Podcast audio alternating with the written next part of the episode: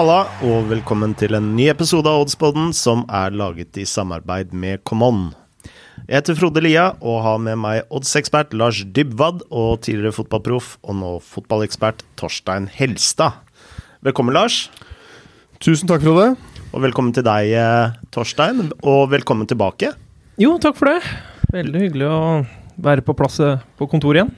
Eh, du har hatt trafikkvakt i dag. Åssen gikk det? Du, det var kjempehyggelig. Uh, hyggelig. det, det var en halvtime ute i litt duskregn og hjalp faktisk to barn over veien også. De gikk dessverre på feil skole, men jeg har i hvert fall gjort dag, Gjort din samfunnsplikt, ja. Min samfunnsplikt, så Og sende faktura, da, til Ja, jeg må kanskje sende en til, til Slemdal i stedet for. Men jeg kommer til å stå på samme plass i morgen tidlig. Ja.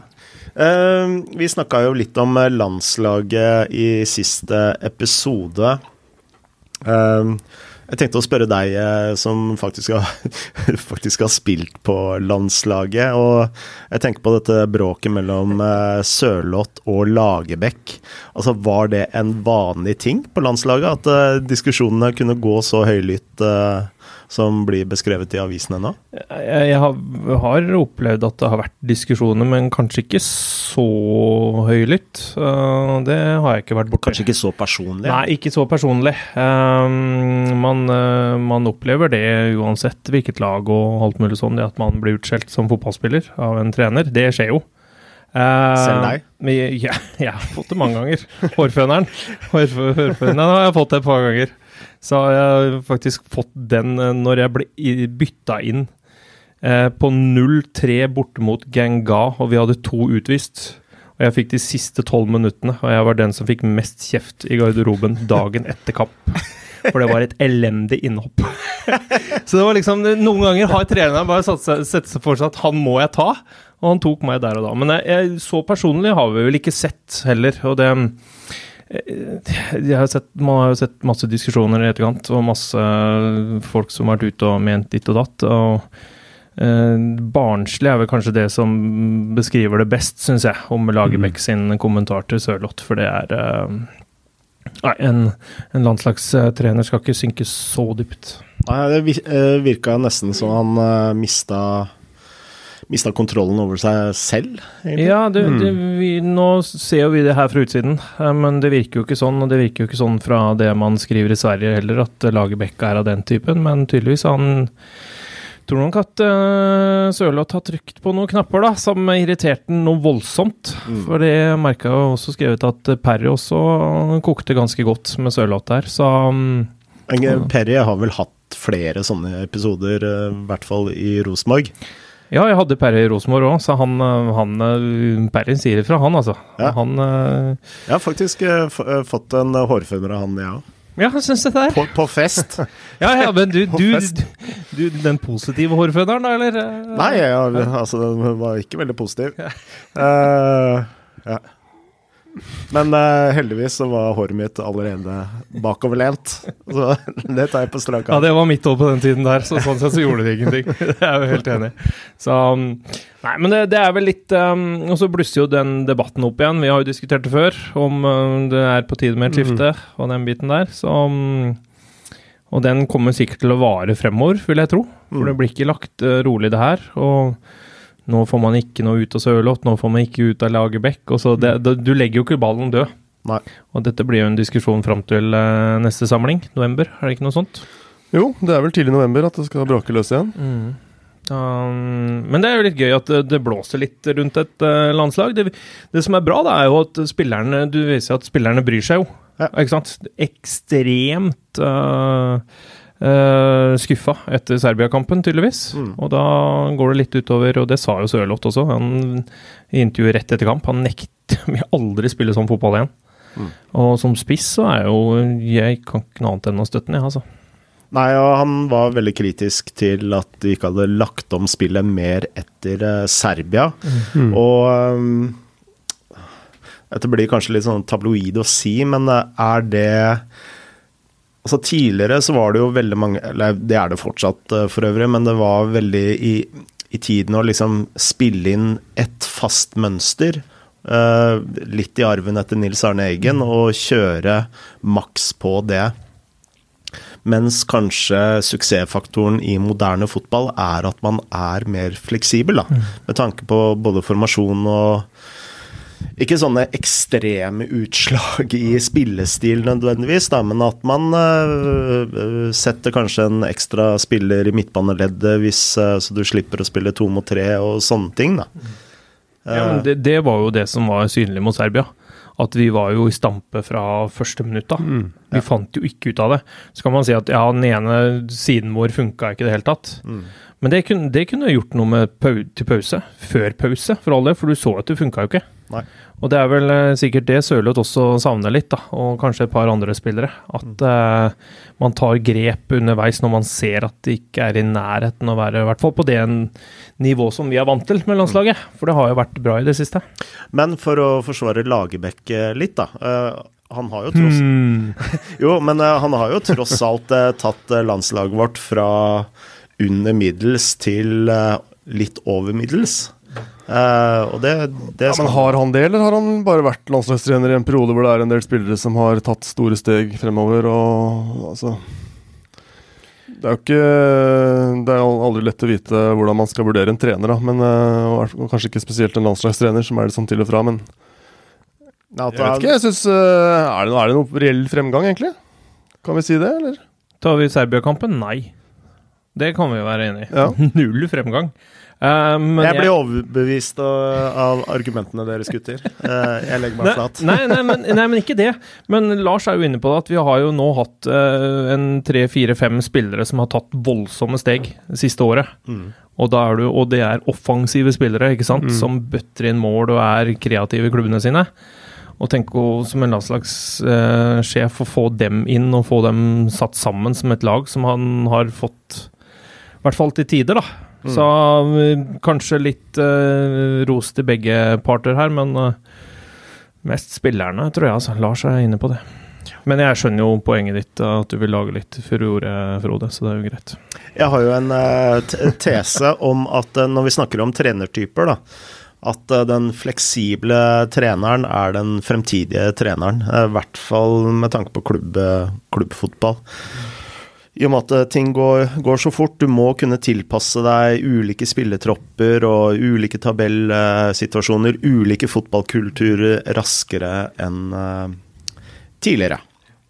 Men eh, det er ikke bare Lars Lagerbäck som er i dårlig form. Nå har vi faktisk to helger hvor vi har gått i minus etter en litt lengre periode hvor vi har gjort det ganske bra.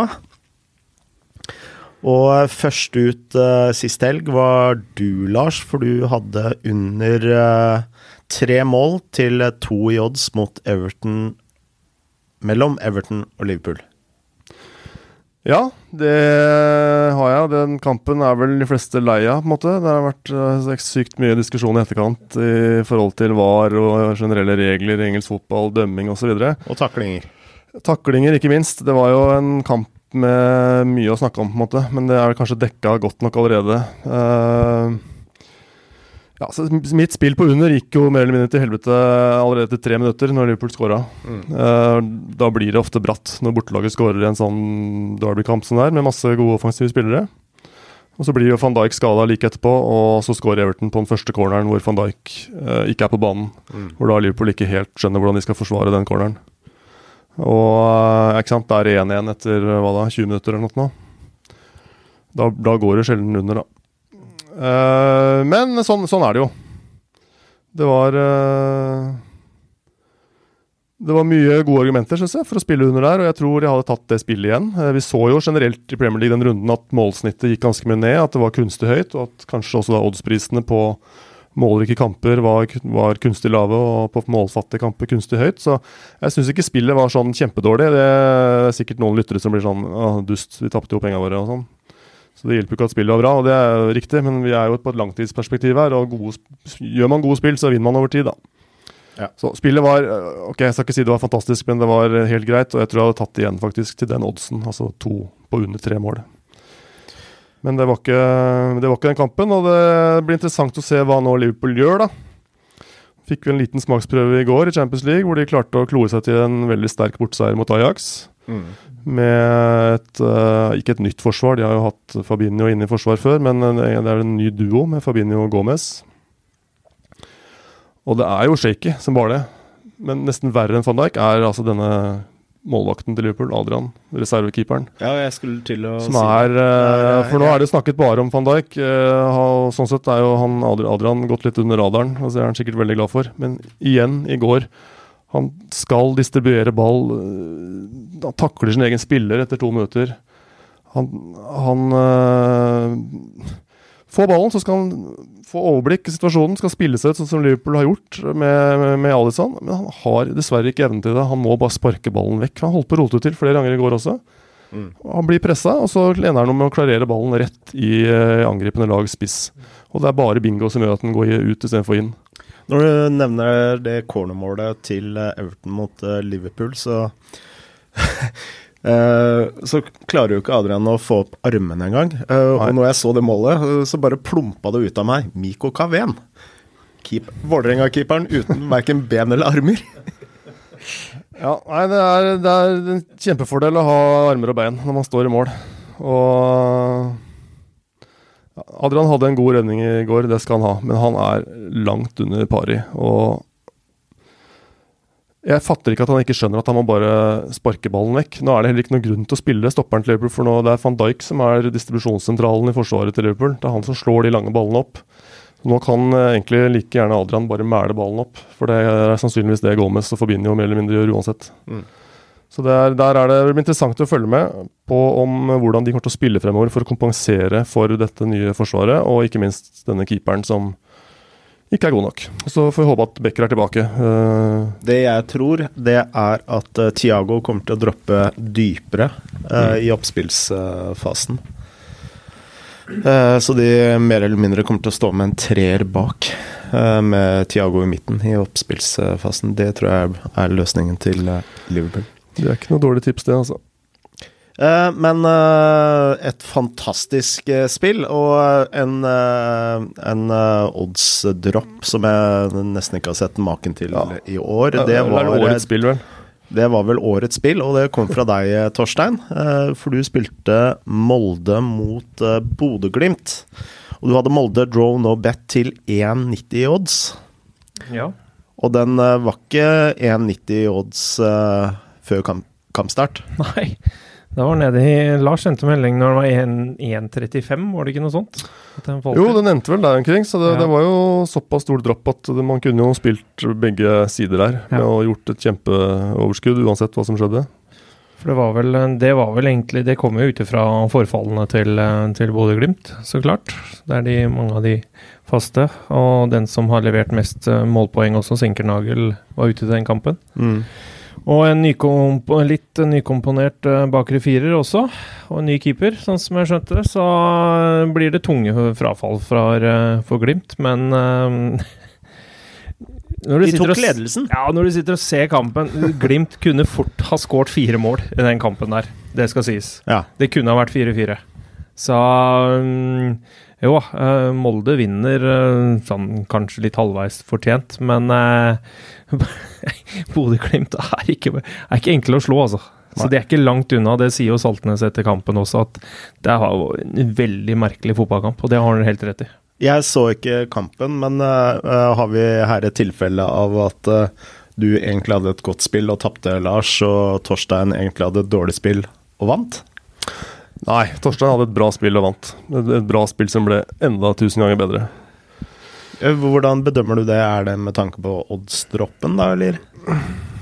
Ja, altså Oddsdroppen beviser jo at det var et godt spill. For det er klart Når du er på 1,90 på et spill som dropper til 1,35, så er det Da kan du for det første så kan du Hvis du ønsker, så kan du balansere. Altså Du kan spille på begge sider sånn at du har garantert profitt. Men for andre så betyr jo det at altså markedet har jo stort sett rett.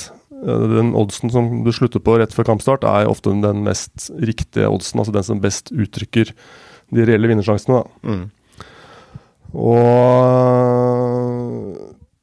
noen av forfallene til Glimt var jo kjent på forhånd. Og vi hadde jo også argumentasjon her på at uh, Molde revansjesugne skulle kanskje vise litt uh, Ikke hvem som er best i Eliteserien, men at det, var, er litt sånn typisk kamp. De får en hjemmekamp mot et Glimt som er litt sånn sårbart. Mista en av sine beste til eh, et annet land, og skader på flere gode. Det, vi visste jo om noen av disse skadene og forfallene. Så Hauge selvfølgelig, kjent. Og, så jeg syns jo det var et godt spill til 1,90. Og når du da i tillegg får på et par skader til, så ja, Det kom mye, mye, mye mye penger på Molde i den kampen der. Og det, og det er eh, smarte penger, og det er et tegn på at uh, Tegn på at veldig mange hører på Oddsboden. Ja, rett og slett.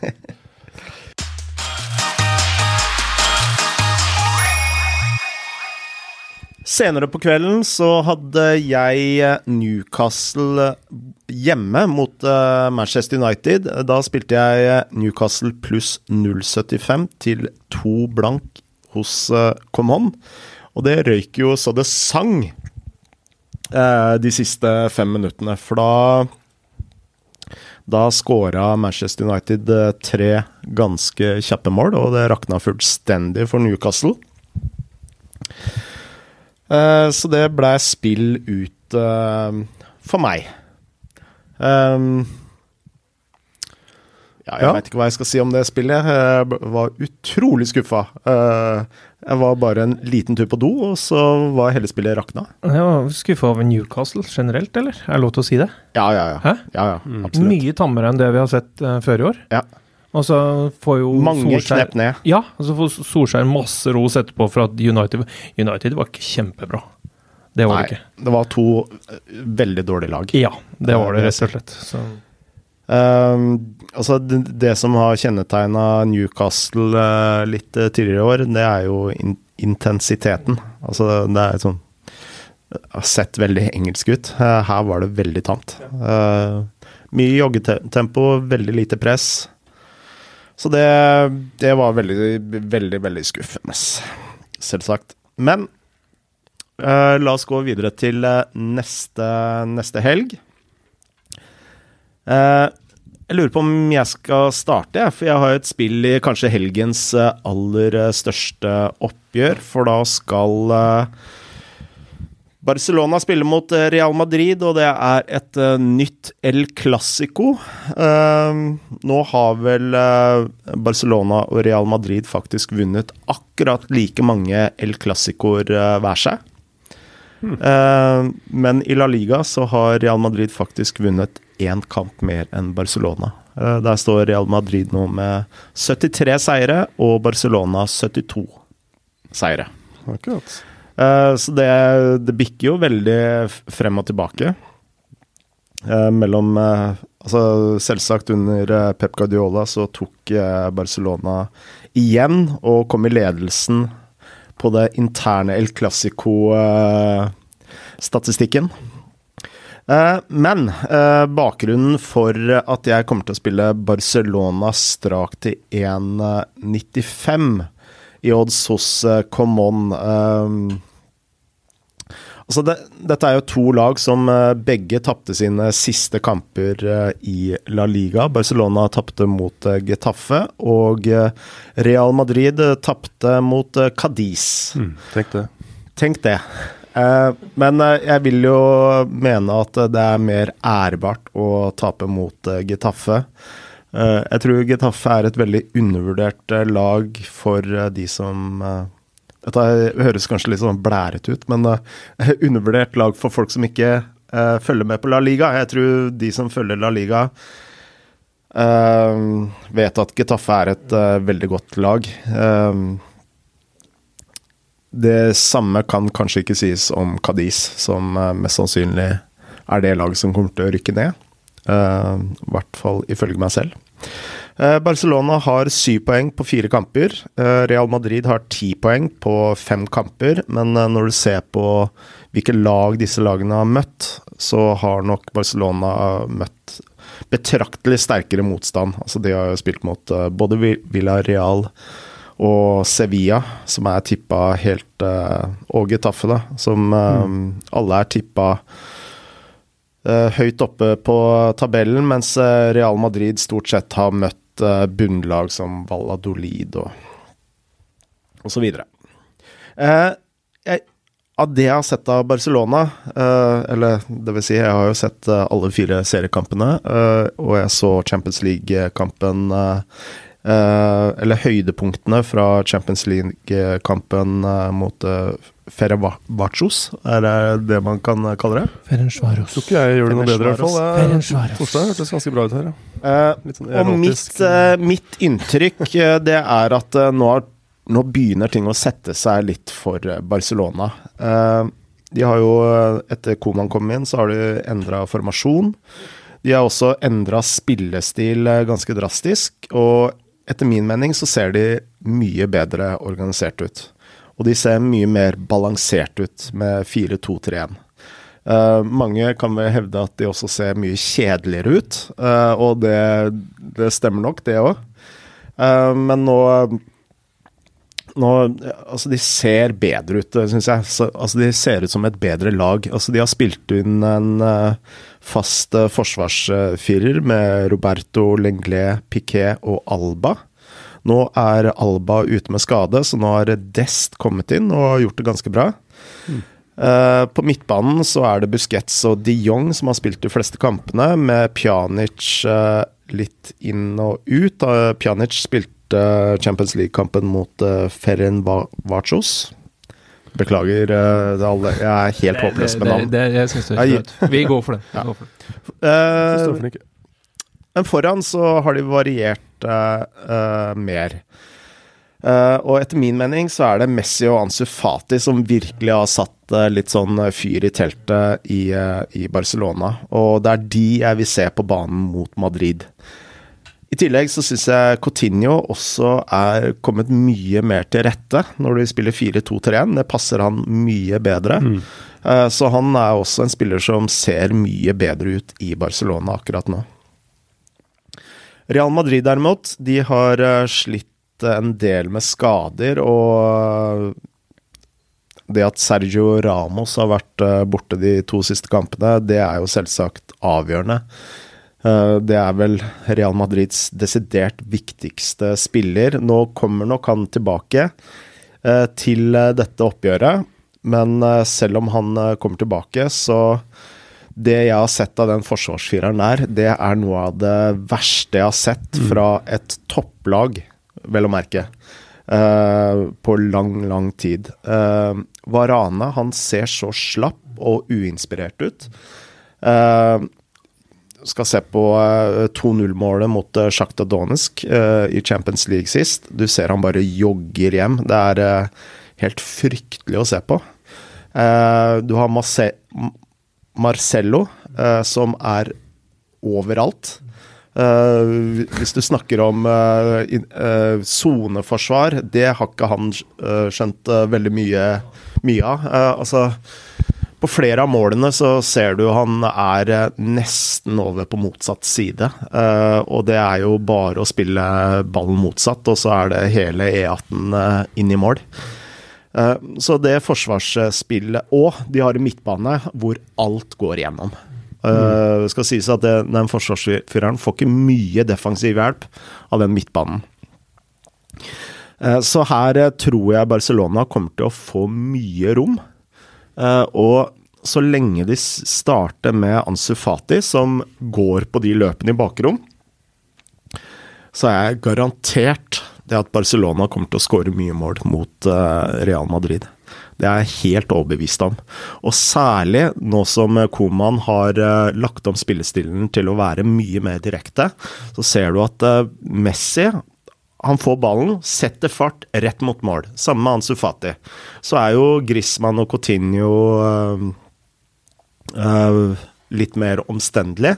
Men så lenge du har de to spillere uh, som er så direkte, de kommer til å, å gå gjennom det forsvaret til, til Real Madrid. det er jeg helt, helt overbevist om. Uh,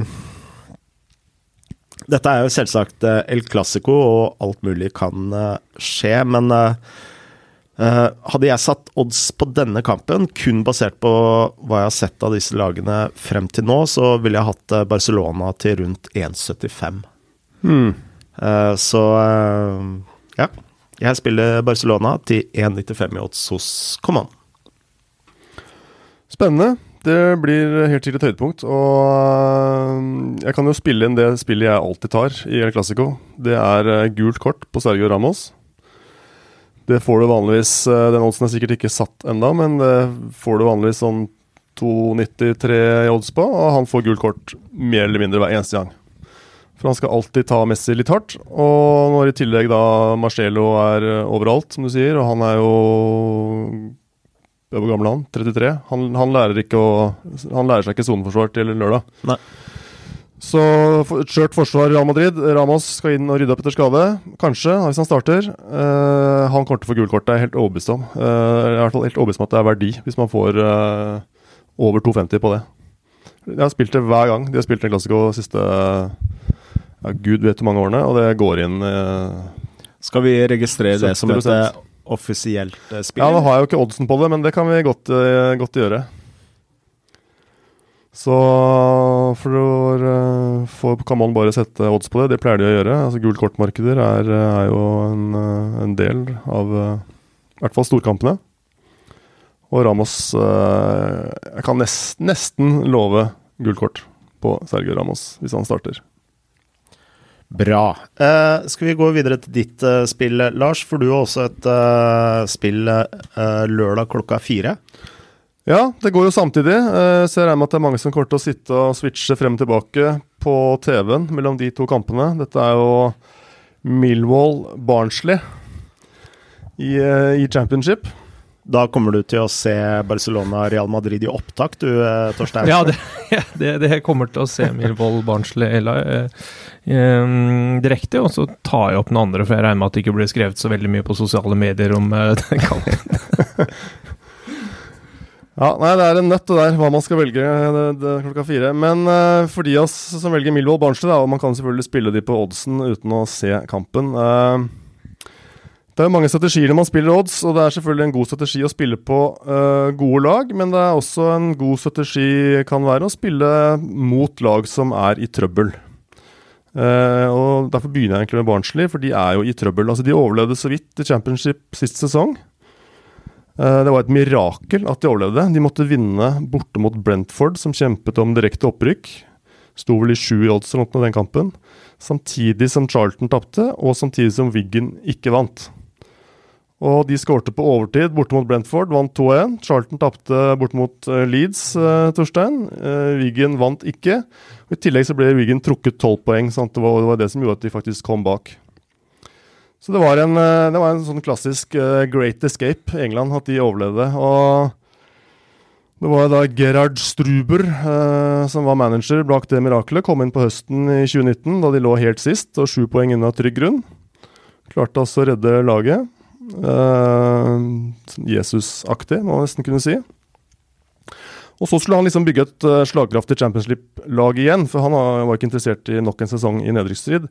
Men det ble det ikke noe særlig av. Eierne har ikke levert til Barnsley. Det er visst to eiergrupper der som er i en juridisk strid, og transfervinduet gikk egentlig til helvete. De har mistet flere spillere enn de har fått inn, og det er ikke noe særlig kvalitet til det som har kommet inn. Og de er fortsatt på leten etter en spiss, uh, og det er jo dette gratis altså free agent-markedet som er igjen nå. Og der er, der er, det jo litt variabelt hva du kan hanke tak i. Så det er egentlig et lag i trøbbel, og det førte til at denne Stryber, da, redningsmannen, som uh, altså var barnslig helt over alle helter, han uh, orket ikke mer og tok et tilbud fra New York Red Bulls og stakk før forrige landslagspause. Så laget ledes nå av uh, en herre som heter Adam Murray, som er et sånn ganske ubeskrevent uh, managerblad. Uh, han har riktignok klart å lede laget til to øverte. Sist mot Stoke borte i, altså i, i, går, når vi spiller dette, onsdag kveld. som jo er brukbare resultater av Barnsley, men på den annen side, Stoke, elendig forsvarsspill, ga dem to mål. Og Barnsley spilte 11 mot 10 eh, siste halvtimen og holdt på å tape den kampen likevel. Så det er, det er ikke et veldig sterkt eh, mannskap, Barnsley. Og de skal nå altså da til, eh, til Millwall. Eh, det er jo et tøft kampprogram i championship også, og to bortkamper på rad i championship, sånn onsdag-lørdag-greier, det er et faretegn i seg selv. Det Kan ofte være verdt å faktisk spille mot uh, nesten sånn, ikke systematisk, men to tøffe bortkamper på rad med tre dagers mellomrom i championship, det kan være en litt sånn Det er sjelden de lagene vinner begge eller gjør det godt i begge. Mm. Og Millwall er ikke noe Klart, nå er det ikke masse gærne Millwall-fans på tribunen, men det er fortsatt et tøft sted å reise.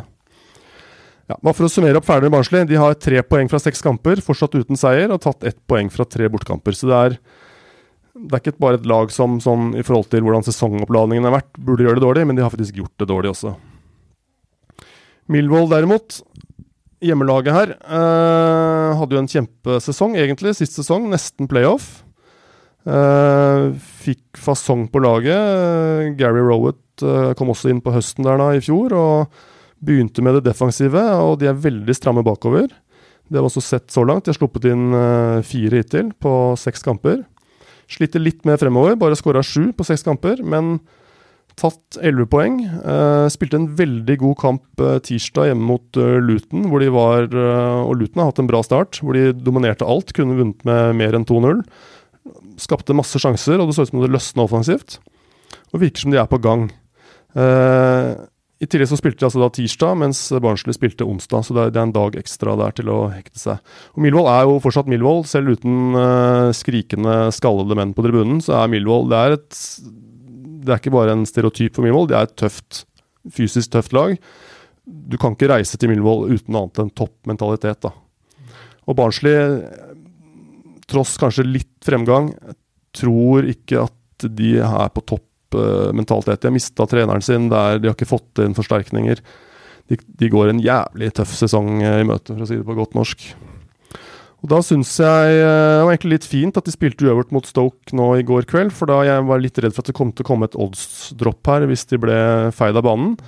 Men da har den oddsen holdt seg, og 2-0-5 på Millwall uh, syns jeg er faktisk veldig bra. Um, ja, bra hjemmelag Millwall mot et lag i problemer, som har to tøffe reiser på rad. Ehm, Syns jeg er fin verdi. Så det blir mitt uh, spill uh, lørdag, parallelt med El Classico. Milo-seier 2.05 hos Camon.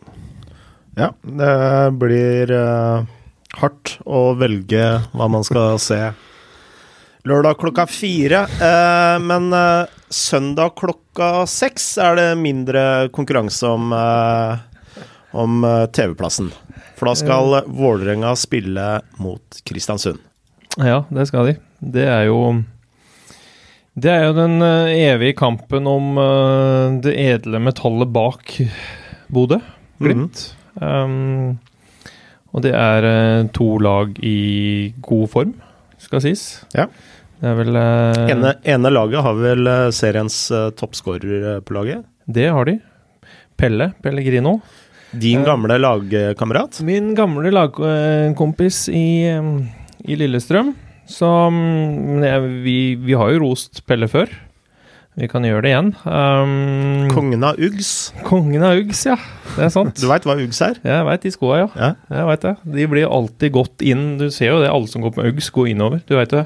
De blir helt ødelagt. Såla er jo forferdelig. Men det er jo en, har jo ingenting med det her å gjøre. Han klarer å skåre mål allikevel. Nå er jeg så spent, da. Klarer Pelle å komme over 20 mål i Eliteserien? Det er ikke enkelt.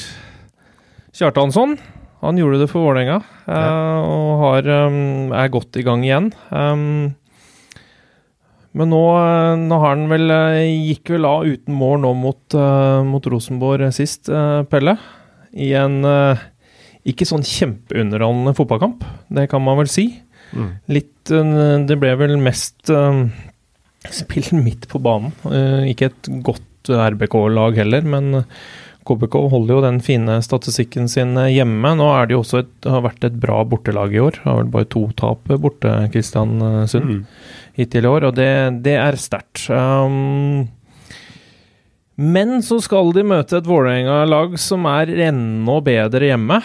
Det er vel bare dem og Bodø-Glimt som uh, står med smultringen hjemme på tap. Mm. Og det er sterkt. Og du, vi har vært inne på det før, det er en Fagermo-lag som ser bedre og bedre ut. Uh, strukturert, bra.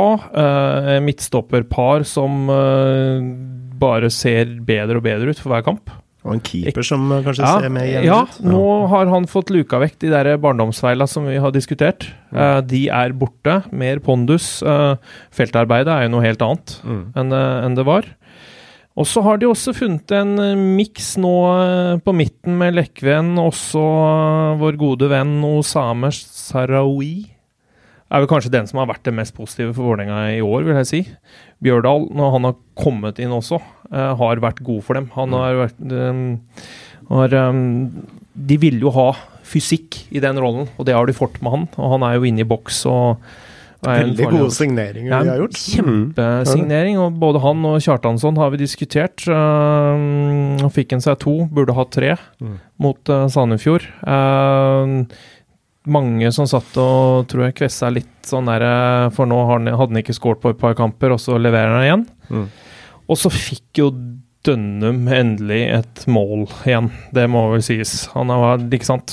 Vi hadde store forventninger, han var veldig oppover i starten av sesongen, og så Han har fire mål, han har fire assist. Det er vel ikke Vi hadde forventa mer, det skal sies. Så kan det hende at det løsna litt når han fikk den um, mot Sandefjord nå. Blir vi litt forblenda av uh, tatoveringer og bling-bling? Ja, det, blir, det kan hende at vi blir det, altså. Det er ikke umulig. Men for hans del og for Vålerenga sin del så er det jo øh, deilig at han leverer på, på den måten der. Uh, for jeg syns han var pigg mot, eh, mot Sandefjord. Og det var jo et uh, Sandefjord-lag som har skapt problemer for mange andre lag før i år. Og de var jo ikke i nærheten av å skape noe mot uh, Vålerenga. Så det er en sterk borte, bortekamp. Så um, Nei, jeg gleder meg. De, de fleste ville ha sagt de to siste årene U på den kampen her. Uh, og KBK står vel med åtte uavgjort i år. Jevnt og tett uh, i de kampene her, men sånn som Nå er Diop ute. Eh, ankeret på, på sentralt for, eh, for KBK betyr mye. Har vært litt den stabilisatoren for dem. Um, og så tror jeg at Vålerenga-forsvaret, sånn som de virker nå, kan klare å stå imot det offensive. For Vålerenga blir ikke kontra på lenger, som de ble en del på Intility i starten. Og det, det gjør ikke, det tillater ikke Fagermo. Eh, og det er jo det også KBK har vært gode på, i hvert fall på bortebane. Mm. Så nei, Vålerenga med Kjartansson tilbake. Saroui som en enormt eh, bra, kvikk, eh, fin indreløper som skaper mye fra sin posisjon. Og en Dønnum tilbake med bling-bling på banen, ikke bare utenfor. Så får du 1,80 på hjemmeseier eh, hos Common på Vålerenga.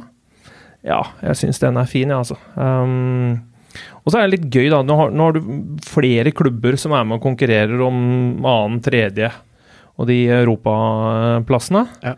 Og så er det viktig å vinne de der kampene der. Så Vålerenga har kara seg opp der, øh, og er stabilt gode. Nå har vel uh, Vålerenga De har jo en fin rekke uten tap også. Vålerenga og stabilt. Det er Ja. ikke ofte Nei, nei, men, det er, nei, men det, øh, det, det, er ikke, det er ikke ofte du hører i samme setning. Mm. Uh, det er vel en grunn til at Trøim var nede i Sandefjord og så laget sitt på en bortekamp. Ja.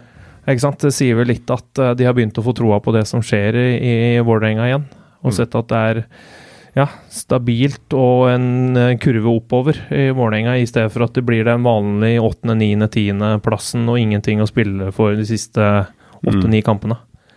Så mm, jeg syns det, er, eh, det har vært eh, positivt, det som har skjedd de siste Eller i hvert fall etter Fagermo kom inn og fikk satt sitt preg på Vålerenga. Nå venter vi bare på at hockeylaget også skal begynne å vinne litt.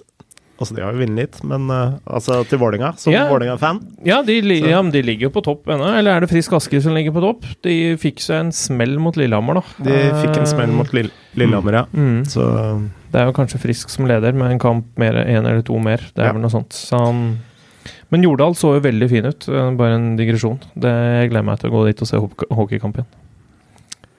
Nettopp.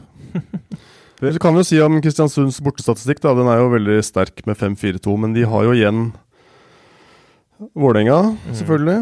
Eh, de har igjen eh, Molde, vel. Mm. Eh, så har de igjen Stabæk og Sarpsborg. Så de har jo gjort unna alle bunnlagene. Mm. Og de har spilt mot Glimt, den tapte de jo, som er annet topplag. Og så har de jo, spiller de jo 0-0 mot Rosenborg, og det gjør de jo både hjemme og borte. Så de har ikke, den er ikke så sterk, den statistikken, når du ser på litt tøffere motstand øvre halvdel av tabellen osv. De, har- de har ganske vanskelig program igjen Ja. Men det, på det, er reise, så kanskje den statistikken blir litt mer guffen til slutt. Det kan bli, men å bare tapt to hittil i år er faktisk Ja, ganske sterkt til å være en Kristiansund. Det er Men, absolutt eh, kjempebra, ja. det, var, det, er, det er ikke det. Men uh... Men de har jo ikke sant, de har jo også vært veldig avhengig av at uh, Pelle leverer. Ikke sant? Det sier seg selv. Kan jeg spørre eh, Altså, hvis du ser på uh, statistikken til uh, Pellegrino, da, så i de klubbene han har gjort det bra, som i Bærum og Mjøndalen, så har han ligget på et uh, skåringssnitt på rundt 45 Mm. I Kristiansund så har han faktisk uh, skåra 27 mål på 29 kamper, så nærmest 100 Mm. Eh, Hva er det med spillet hans som har endra seg, som gjør at han eh, Altså, i, mellom 2018 og 2019 så skåra han kun fire mål på 39 kamper eh, for Strømsgodset. Hva er det som har løsna? Er det bare tilfeldigheter, psykologisk, eller er det noe Ja, med det, er, det er jo en blanding, så klart. Men eh, du er jo veldig avhengig av å få flyt. da. Nå, nå skal jo sies at han har jo Noen av de målene han har skåret i år, er jo nok kremmerhus som du ikke klarer å gjøre igjen. Nei. Det skal sies. For han har jo truffet uh, på noen skudd som er helt insane. Det er morsomt å se på, for all del.